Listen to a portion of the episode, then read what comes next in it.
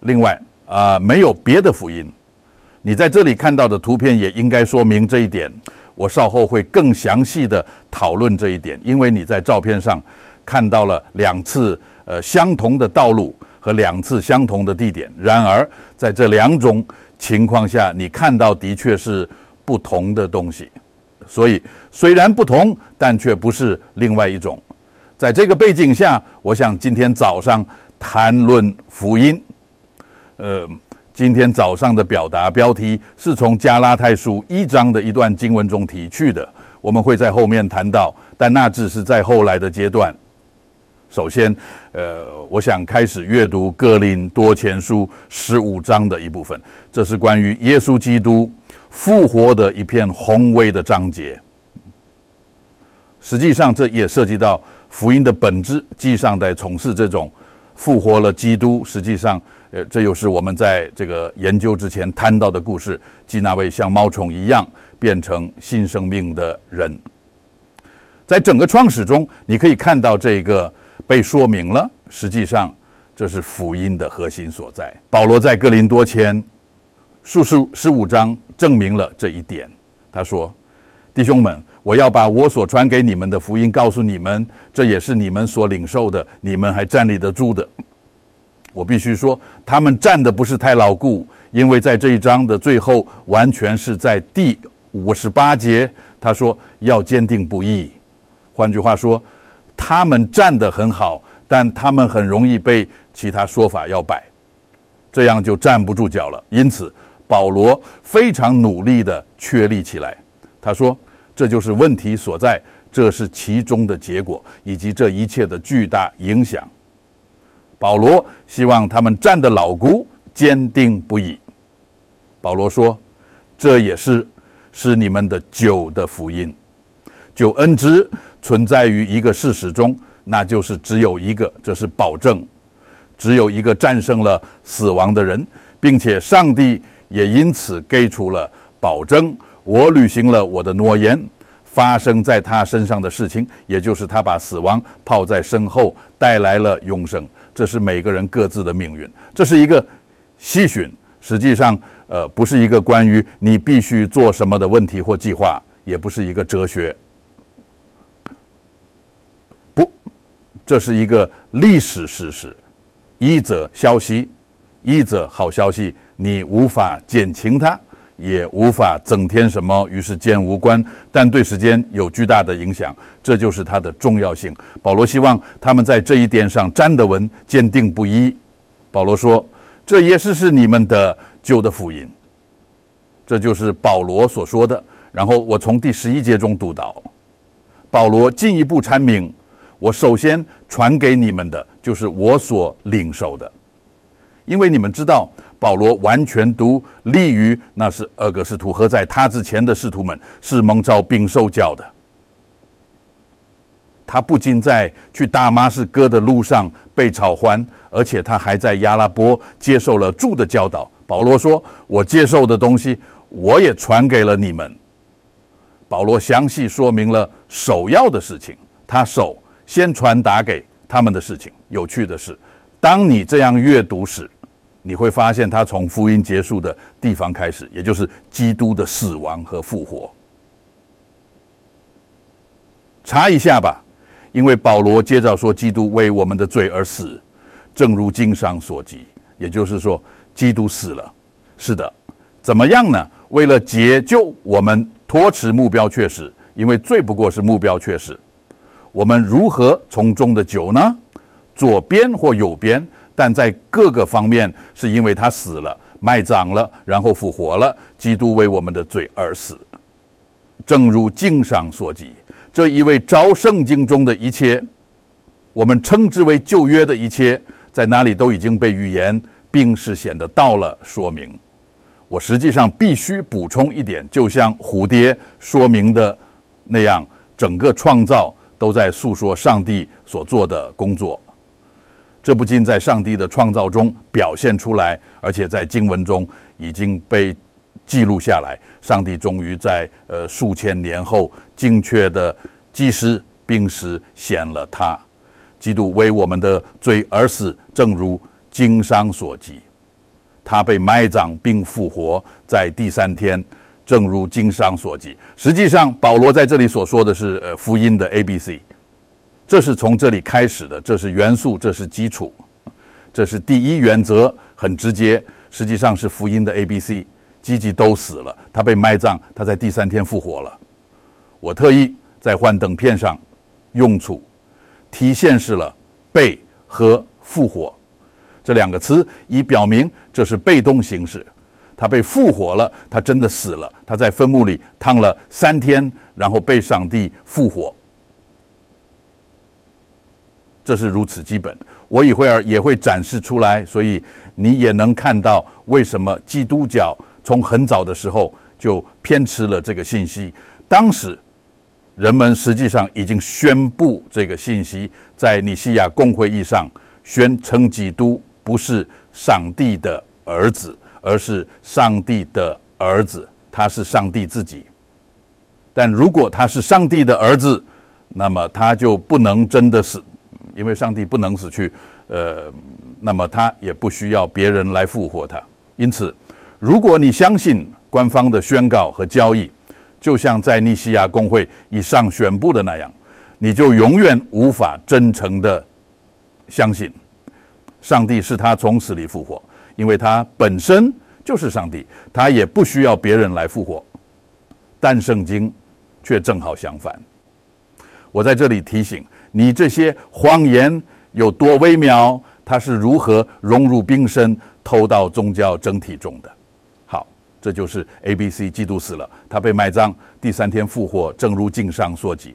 请注意，在福音书或是土星传中。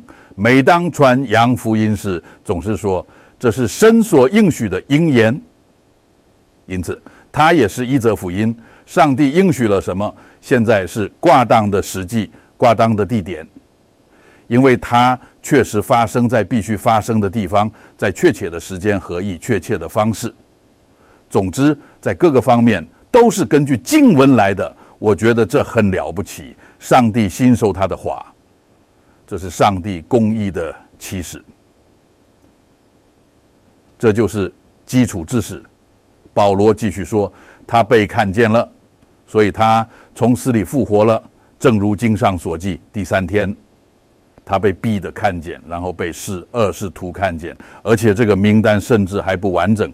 接着他被同时看见了五百多个弟兄，其中大多数在当时还活着。但有些已经在睡觉了。大约在公元五十年，保罗写下这些，所以自己都死而复生一来，已经过去了二十年。保罗说，在那个时候，那个曾经出现在五百人面前的人中的大多数，实际上是更多的人。这些人现在仍然可以作证，因为他们现在还活着。至少在保罗记录这一刻的时候是这样。换句话说，这是历史记载的。我们不是在讲一个呃童话故事或一个美好的哲学观点，而是在讲述一个消息，一则通告，一个事实。这个事实发生了，并且有见证人、目击者证实了，有许多目击者证实了。您知道法律领域是如何运作的？在一个案件被确认的情况下，必须有两到三个证人。在这种情况下，有数百名证人，他们在自己的证言中是一致的，因此不是一个人反驳另一个人所说的话，不，他们都讲述了完全相同的事情。这就是历史事实的。特征，保罗继续说，然后他被雅各看见，然后被所有的使徒看见，因为这个圈子实际上比是二个使徒要大得多，但最后对保罗来说也是最有说服力的，也是最特殊的，对我们来说也是如此。保罗最后说，最后他也向我先贤，因为与此同时，基督已经升天，从复活的几年后，亲自出现在了。大马士革的扫罗面前，而他并没有像使徒们那样受到耶稣的教导。扫罗是个地人，是教会的毁灭者，而恰恰是向他显现，因此他也是这一切的封顶高潮。作为所有人的最后，就像一个提前出生的婴儿一样，基督向我显现。保罗说：“保罗说，我是使徒中最小的一个，正因为这个原因，我不值得被称为使徒，因为我曾经迫害过上帝的教诲。但是他说，由于上帝的恩典，我成为了我现在的模样。我并没有主动追求，反而是被抓住了。”是上帝的恩典向我先显，实际上他的整个经历都是他即将将书的事情的象征，那就是上帝的恩典，他超越一切，他也不期望人类的任何贡献，这就是他可以大声宣扬的原因。保罗也是在国外被呼找到一榜，但是通过上帝的恩典，我成为我现在的样子。上帝对我所示的恩典没有白费。我比他们所有人都更加努力，但他急忙补充说：“然而不是我，而是与我同在的上帝的恩典。”保罗被抓住了，这是上帝的恩典对他所做的。保罗并不是这么想的，好像这是他自己做的，好像这是发生在他身上的事情。然后，现在我要强调的是第十一节，他说：“我。”这里保罗是指他自己，或是指示徒，是二门徒，或者所有的使徒，无论是谁，这不重要。是我还是他们，我们如此宣扬，或者翻译为如此传教，这是宣告谋使的意思，就像传领馆所做的。我们如此宣扬，你们也如此相信。也就是说，这是福音的基础之始。基督死了，他埋葬了，为什么？为了。呃，在第三天从死里复活。实际上，福音是关于复活的基督的信息。由于他只有在先死亡的情况下才能复活，没有死亡就没有复活。他死亡并在坟墓里躺了三天，证明他确实死了。而上帝在第三天使他复活，这就是这个信息，这个传教。上帝根据经文。根据所写的是基督从死这种复活，保罗说：“这是我的道德，我所传讲的。无论你是从十二个人哪里听到的，还是从其他人哪里听到的，保罗说这就是信息。我们如此宣扬，你们也如此相信。这是说福音的本质。主意我说的话，我马上要做一些注解。”保罗所说的福音的本质，以及是二使徒所传讲的福音的本质，那是完全相同的，基复活的基督的信息。这是他保罗和十二各使徒所宣扬的，这是他们的道德信息，这是他们信仰的东西。他们的眼睛、耳朵和心灵位置打开，这确实是这样的。我可以向您展示。因为让我们来看一看《使徒行传》呐这本书，特别是随后的彼得，他在十二使徒中是发言人，看看他们十二个人，尤其是彼的确是所说的话，他们所宣扬的，让我们翻翻《使徒行传》这本书。所以问题是，保罗说，无论是我还是他们，我们如此传教，你们也如此相信。我现在也会想，你们战士，保罗所说的话，即复活的宣扬，不仅是我的信息，也是呃十二个人的信息。使徒行传证明了这一点。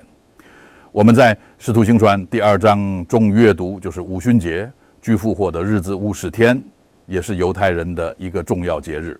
那是彼得在十二个门徒中间。在圣殿演唱上发表演说，他引用了许多来自诗篇的经文，这是为了说明现在发生的事情，在他那个时代正是经文中语言的事情。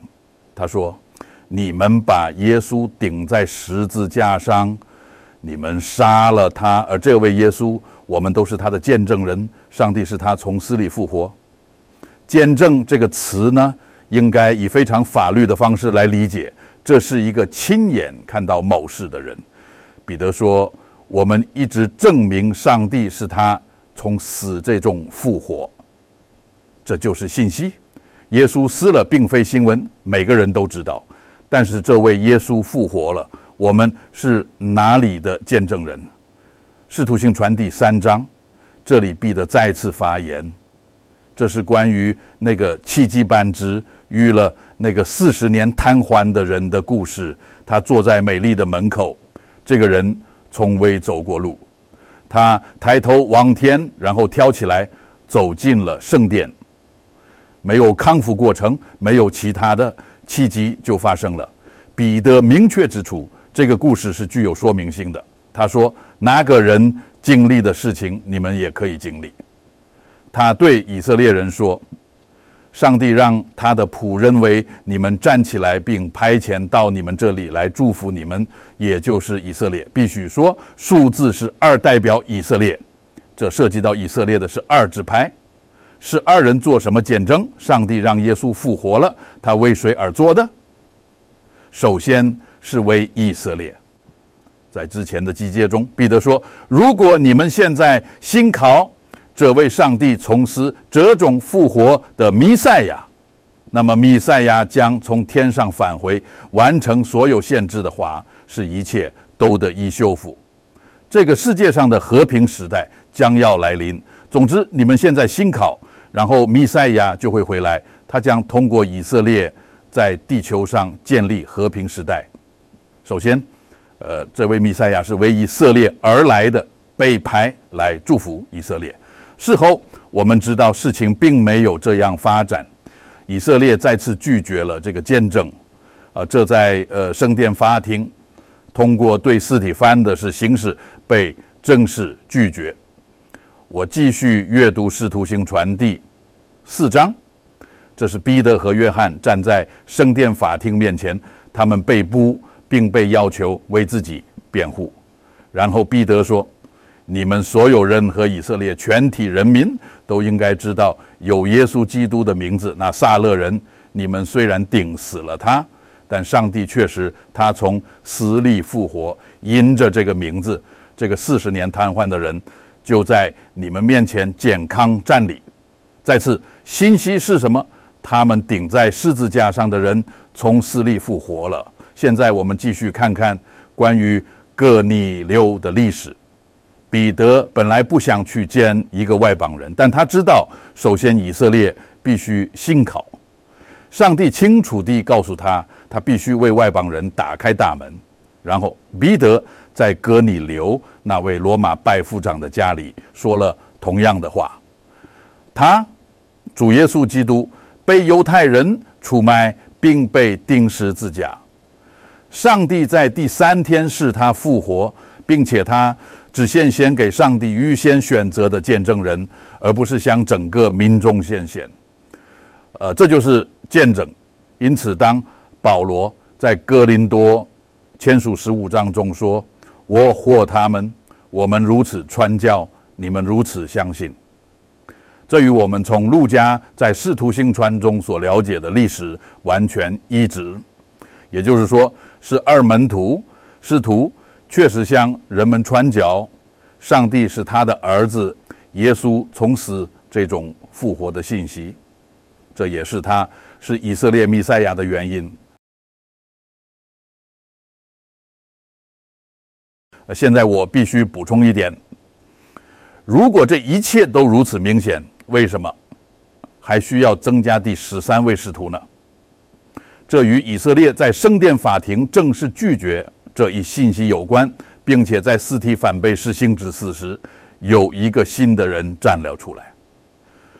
他就是大数列，他两天后蒙州，他被指定为外邦人的使徒。在这张演示幻灯片上，您会看到两个希腊单词，即 heteros 和 allos。这些词出现在加拉太书中。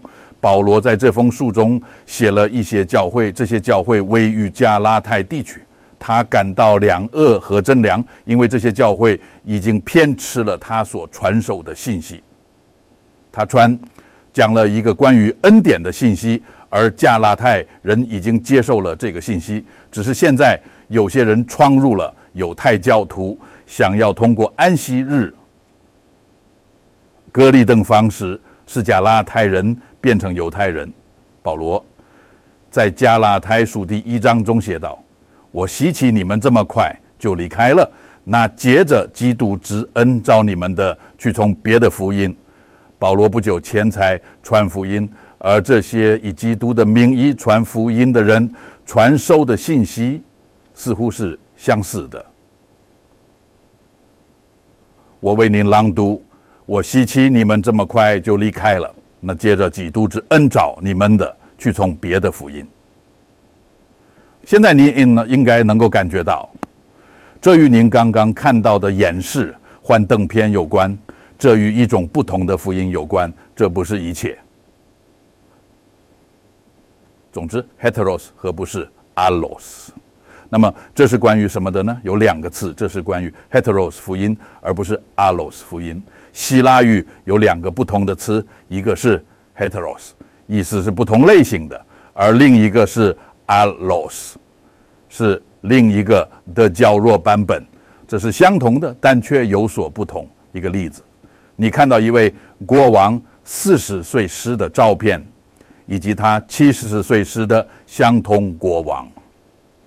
四十岁国王的照片，并不是七十岁时的另一个国王，但他看起来确实有所不同。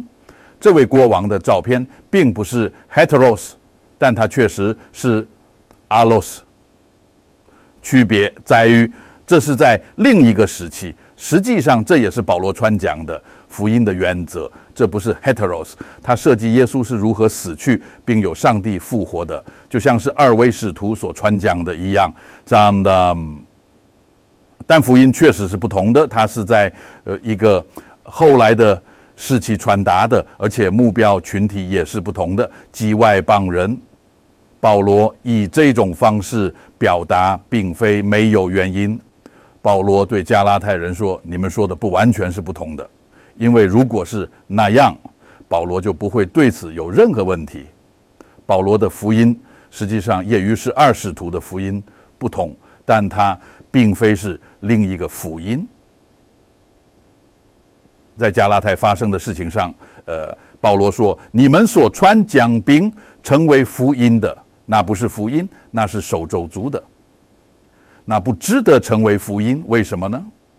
因为其中不在有恩典，人们又对人类有了期望，而这在本质上是不正确的。一旦人类能够对上帝的宣告有所改变或补充，那么这就不再是福音了。实际上，当对人类的要求减少时，情况变得更加危险。因为那是你几乎察觉不到其中的差异，您明白我的意思吗？有一些宗教要求人类付出很多，你必须做这个，哪个将沉重的负担放在人类肩上？还有一些宗教实际上让人类变得很容易，你只需要呃嗯，或者这是免费的，你只需要付出一分，它几乎是免费的。但那事就变得更加危险，因为看起来是免费的，这是试图欺骗你的麻烦，就像养告一样。然而，当你仔细阅读孝子时，你会发现这并不是免费的，而且还涉及各种后果，你很容易上当。我也了解这一切，这很微妙，这也是基督教的困境。这可能听起来不太友善，但我是故意这样说的，在基督教内。对人的要求并不多，你只需要在星期天去教堂，你只需要选择跟随耶稣。然而，真正的信息是工作已经完成了，这是传达上帝是基督耶稣从死里复活，这是保证信不信由你，这就是福音，其中包含了救赎。在加拉太书中发生的困境是，有人说你只有在被隔离或者遵循。以色列的戒起，遵循犹太的习惯和传统，并将这些融入你的生活中，你才能过上正义的生活。人们说，仅仅相信不再足够。根据加拉太书中的说法，不再像亚伯拉罕那样，亚伯拉罕相信上帝，这被视为他的公义，正如我们在罗马书中所读到的。不，人们说，你必须做这个，做那个才能变得正义。保罗在加拉太书三章一节中说的是：“加尔拉太人睡迷惑了，你们，你们竟然不顾及真相。”他在书信中问道。你们曾经是多么快乐，现在却变成了什么样子？这种是困扰之处。当人类需要做一些事情时，然后肉体就会被激活。保罗说：“你们所传达的不是同一福音，而是另一种。”现在我要提到另一个观点。我反过一页来到加拉太书第二章，保罗在那里谈到了。他在耶路撒冷与十二门徒之一的回眠，其中提到了三位：雅各、彼得和约翰。顺便说一下，在信约中，我们也按照这个顺序有这三个人的竖心。这三位给了保罗团结的右手，他们对保罗的讲解感到困扰。文问彼得吧，他说这一切都很难理解。但尽管如此，他们不得不承认，他所传达的是真实的。他们给了他团结的右手。当他在呃耶路撒冷的时候，在使徒行传第十五章中描述了这次会面，有这样的一段：当他们看到他们指的是在耶路撒冷的使徒那些自主，当他们看到福音的责任被委托给我，这是什么样的福音呢？这是一个不涉及个例的福音。前缘是一个有点技术性的注语，但它的意思很简单：你要么受了个例，要么没有。你有前缘，或者你没有。它不一定是某种意识的名字，而更像是一个民族的名字。实际上，格利是以色列，是受割礼兵与之相关的所有特权的民族。保罗的福音与此毫不相干。他并没有否认隔离的特权，但在他的福音中，隔离不起任何作用。因此，他将其称为浅渊的福音。不行的是，在现代的圣经翻译中，这被错误的表达为给浅远的福音，或者给未受隔离者。然而，这并不是那么重要的机遇，而是表达了。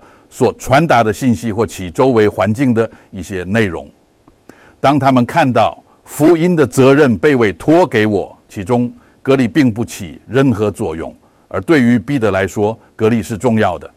这就是我的观点。正如我所说，保罗传达的福音与彼得和其他是二使徒的福音不同，因为保罗获得的是前缘的福音，而彼得获得的是隔离的福音，因此。它是不同的，并不是另一种福音，因为彼得传讲的是复活的基督，只是视角不同。用计算机注语来说，实际上他已经进行了更新。我的意思是，时隔多年，情况发生了变化。以色列已经正式拒绝了福音，情况不同了。福音现在传响了外邦，情况已经改变，实际也不同。因此，它是不同的，但复活的基督的信息保持不变。保罗也不是像其他是二使徒那样，在复活的基督在地上是被召唤的，这是而个人在地上接受了培训，甚至在复活的四十天中，他们也在地上与复活的主相遇。但保罗不是这样，保罗是从天上蒙找的，看到了吗？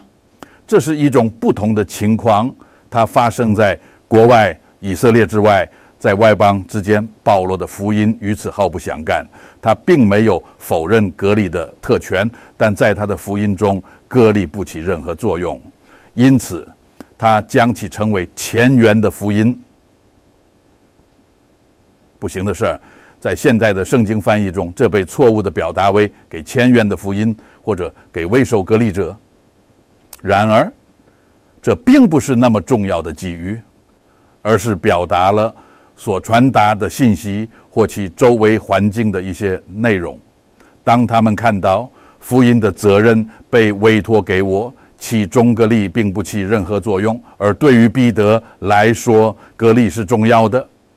这就是我的观点。正如我所说，保罗传达的福音与彼得和其他是二使徒的福音不同，因为保罗获得的是千元的福音，而彼得获得的是个例的福音，因此它是不同的，并不是另一种福音。因为彼得传降的是复活的基督，只使视角不同。用计算机主语来说，实际上他已经进行了更新。我的意思是，时隔多年，情况发生了变化，以色列已经正式拒绝了福音，情况不同了。福音现在穿向了外邦，情况已经改变，时机也不同，因此它是不同的。但复活的基督的信息保持不变。保罗也不是像其他是二使徒那样，在复活的基督在地上是被召唤的。这十二个人在地上接受了培训，甚至在复活的四十天中，他们也在地上与复活的主相遇。但保罗不是这样，保罗是从天上蒙着的，看到了吗？这是一种不同的情况，它发生在国外，以色列之外，在外邦之间，这确实是不同的。嗯，您看到了吧？这不是另一种福音，因为再次强调彼得传讲的福音中。割力起照重要的作用，这是对以色列的一个信息。他们要信仰，然后弥赛亚就会回来，然后通过以色列就恩将在全球范围内到来。过度讲的一件礼，啊，这就是割礼的福音。那个福音仍然是真实的。等到神与教会的计划结束，我们在空中与主相会时，神将中心与以色列联系。那是在耶路撒冷会有两个见证人，就是这样开始的。那是彼得在新约中的心间将再次变得重要，包括约翰和雅各的心间。但是现在我们处于这个间隙阶段，在割礼的福音暂时停止的时期，保罗传讲福音的时期。我希望您理解，这是不同的。而且在这项研究中的重点是，基本上它是相同的福音，这是相通的字目标元素是相同的。在格利的福音中，信息是上帝呼召以色列格利的人；而在福音中，上帝呼召以教徒的人。事实上，按照保罗的传讲，犹太人加入了这个国度，两者合二为一，割礼不再起作用。保罗在罗马书十一章写道：“上帝通过一个愚蠢的民族召唤以色列基督。格里的福音有一个地上的视角，这是优势；二个在地上认识着的人宣扬的，这是关于将在地上发生的，与耶路撒冷和歌珠有关。这是一个地上的视角。”而福音中设计的是一个天上的视角，保罗是从天上被呼召的，而且今天所宣告的民族有一个数天的目标，也参见依附所述，这就是不同之处。这两种福音是否相互矛盾？他们是否矛盾？不，他们是不同的。是二个人确实承认过这一点，他们很难理解并转变思维，这是真的。但在歌利福音中。实际上宣告了一个新的家庭。保罗还说，对于这个家庭，这个管理全被委托给了我。这个安排，在这个安排中，两者合二为一，这就是中间时期中断。上帝将在不久的将来重新接触以色列，但是有一点，我一次作为结束，仍然是相同的，复活的基督。无论我们是像是二世徒在地球上认识他那样认识他，还是认识他，如今在上帝的右手，以及我们最终也会向那个方向前进，在这两种情况下，我们都在谈论完全相同的复活的基督。呃，所以不是另一种福音，但确实有所不同。至此为止，这次圣经学研究。很高兴你在听这是荷兰基金会好消息进行的一项研究，重点关注使徒保罗的福音，尽量是用希腊原文，而不是常规的圣经翻译。想要了解更多关于保罗的福音吗？你可以通过 www dot good brick 站 ENL 了解，通过 Chrome 或 Firefox 浏览器。可以使用语言查健讲荷兰网站自动翻，译为你喜欢的语言。这个圣经研究最初是用荷兰语呈现的，通过人工智能翻译成了你的语言。